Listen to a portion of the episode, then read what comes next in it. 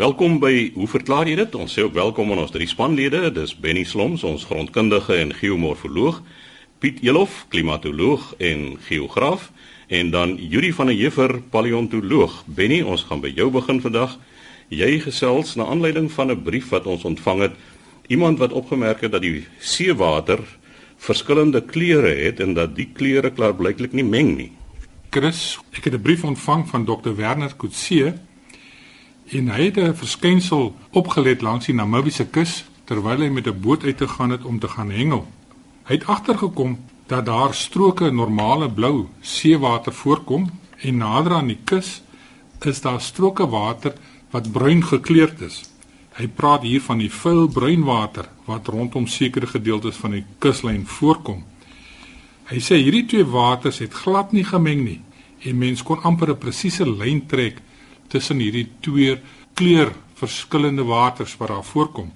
Nou Werner, dit is 'n baie algemene verskynsel wat voorkom langs die Namibiese kus en ek kan dit as volg vir jou verklaar. Langs die Weskus van Suider-Afrika kry ons opwelling.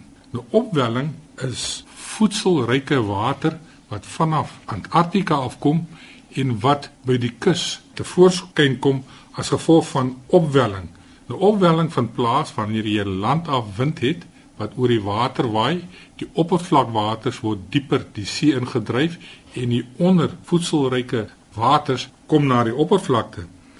Nou hierdie voedsel wat voorkom in die water is mikroskopies klein diertjies en plante wat daar voorkom, fitoplankton en dit is natuurlik die basis van die hele voedselketting wat ons daar in die see kry. En dit is een van die redes hoekom die Namibiese kus eintlik baie ryk is aan vis. Dieselfde kry ons teen die Suid-Amerikaanse kus langs die Chile kuslyn. Daar kom dieselfde verskynsel voor en dit is natuurlik ook 'n gebied waar daar baie ryk visbronne is.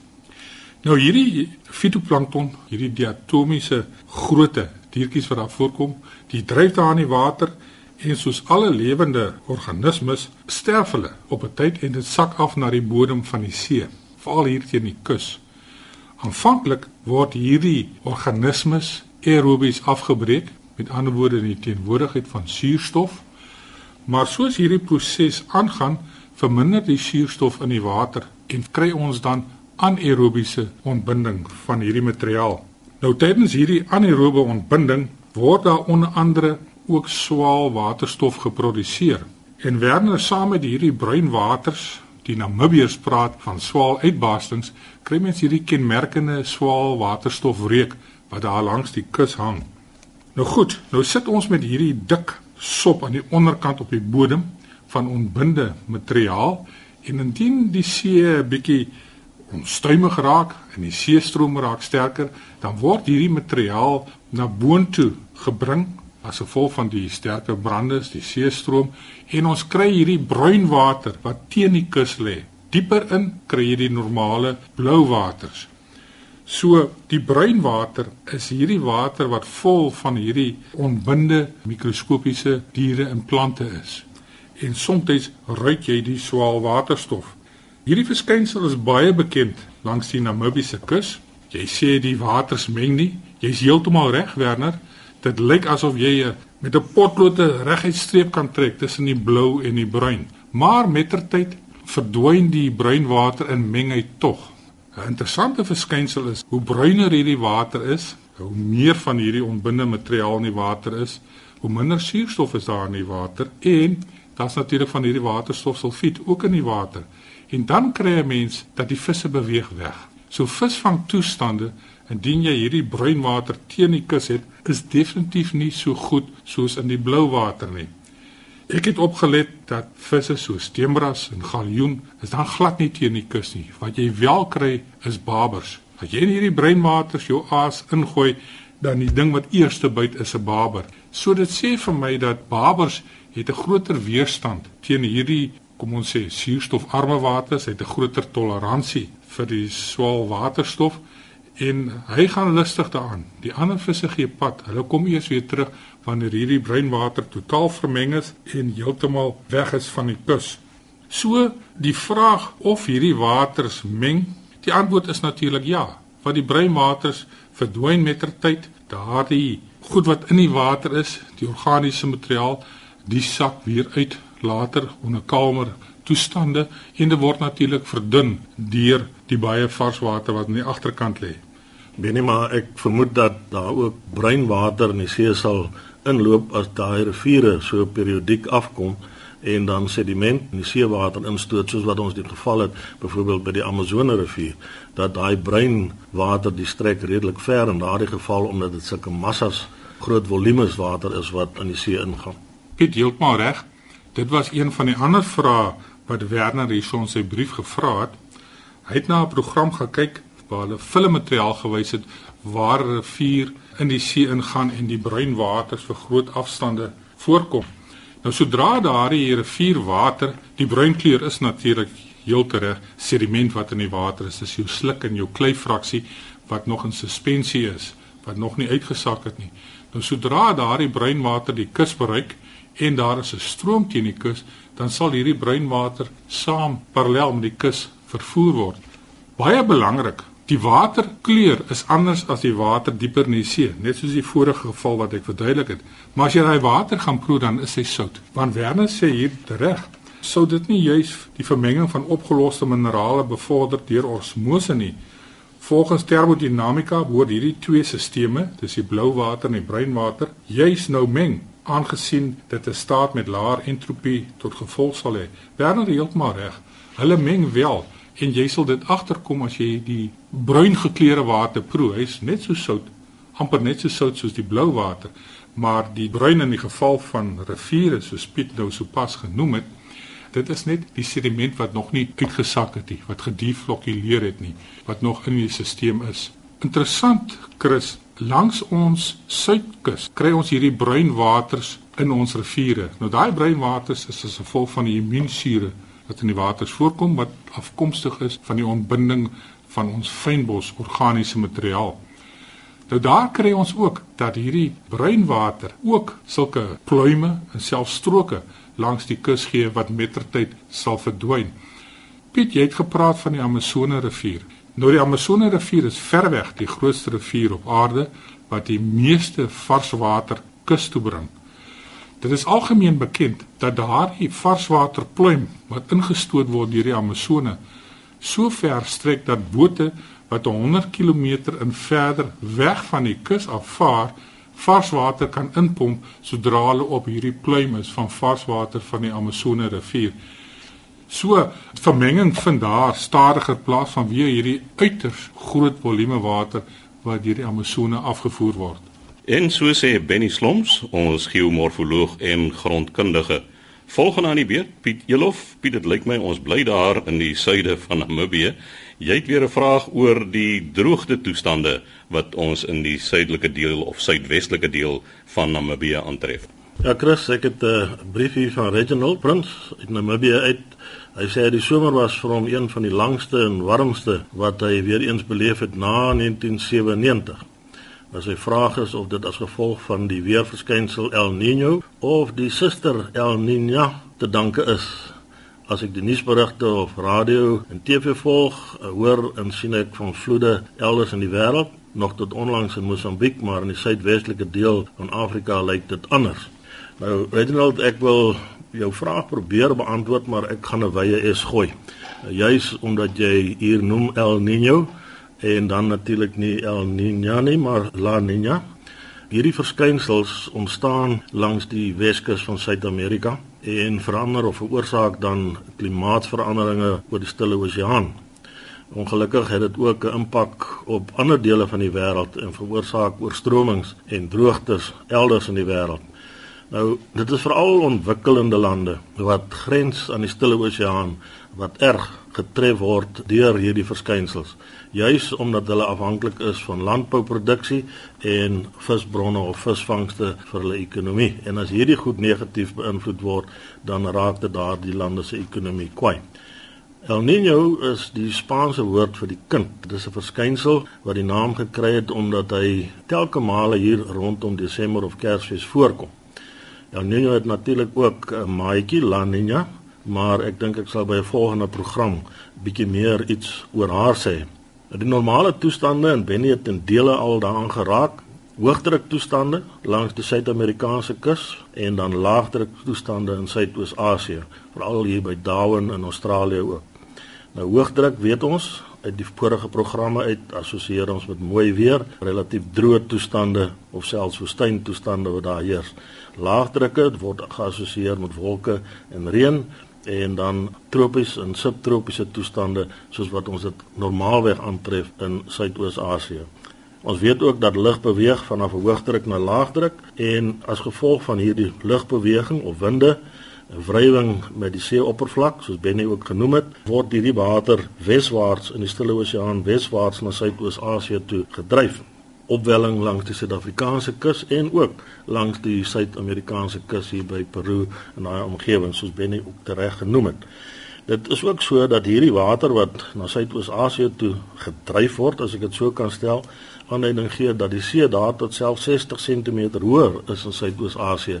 Dit is natuurlik die ophoping van daardie water wat aangedryf word soontoe. Ek gebruik gewoonlik die vergelyking met 'n kind wat in 'n bad vol water sit en dan vorentoe skuif daai brander wat vorentoe gaan kom dan later weer terug.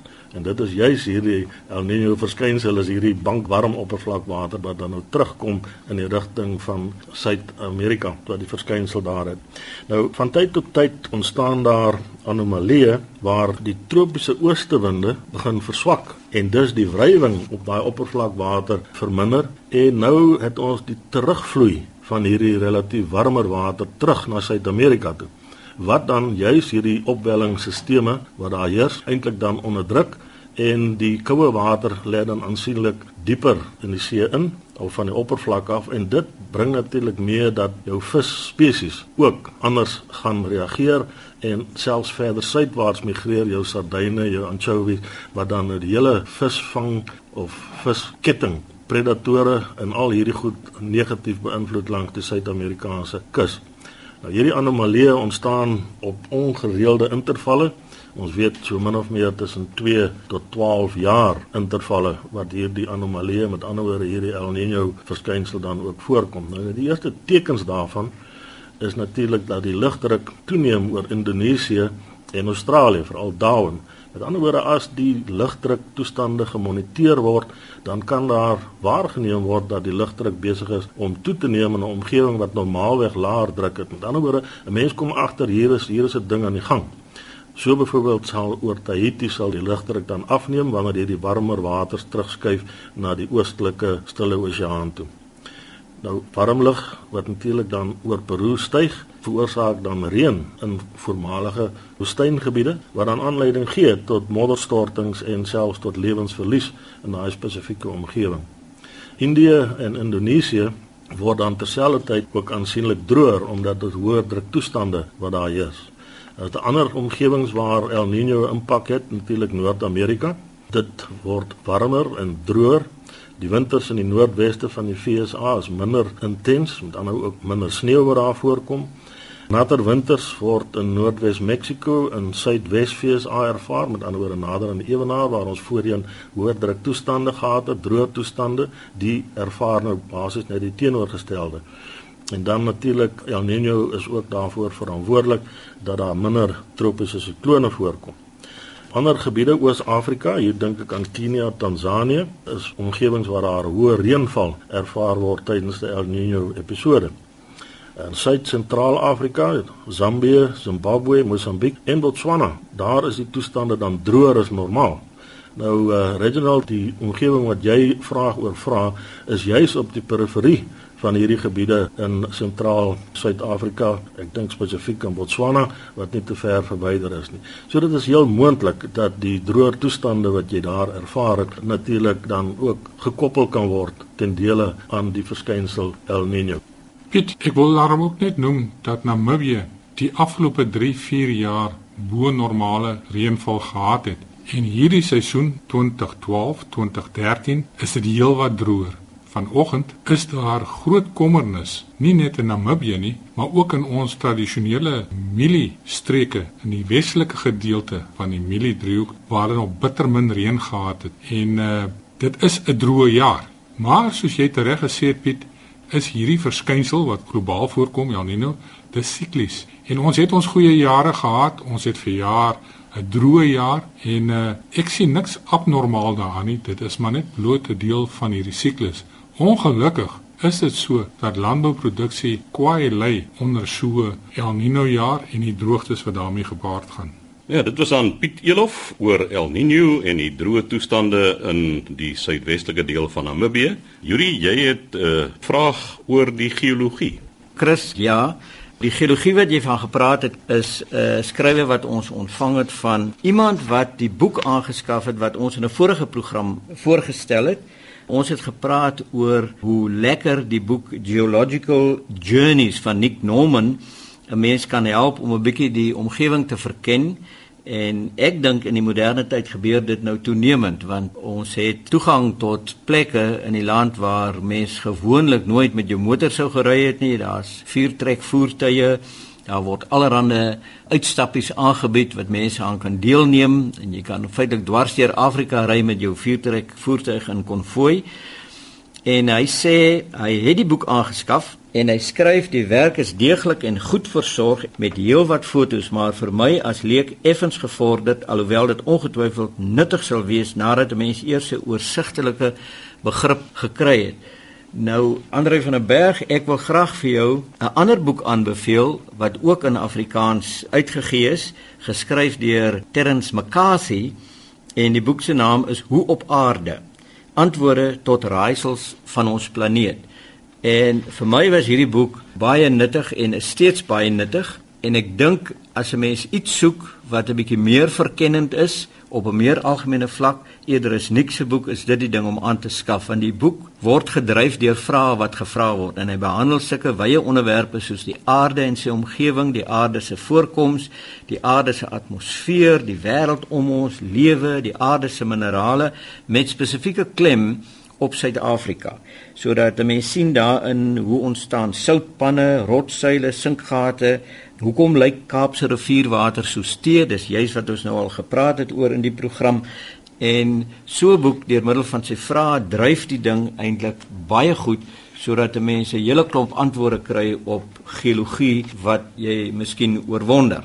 Dan het ons 'n briefie ontvang van en ek hoop ek spreek nou die naam reg uit, Sergio Brown en hy sê my seun Jaden Brown is 10 jaar oud en hy wil weet of die Amerikaanse vlag nog op die maan is. Nou ja, mense moet hier praat eintlik van vlae want die Apollo sending in 1969 waar twee Amerikaners op die maan geloop het, Buzz Aldrin en Neil Armstrong, het inderdaad 'n vlag daar gaan plant.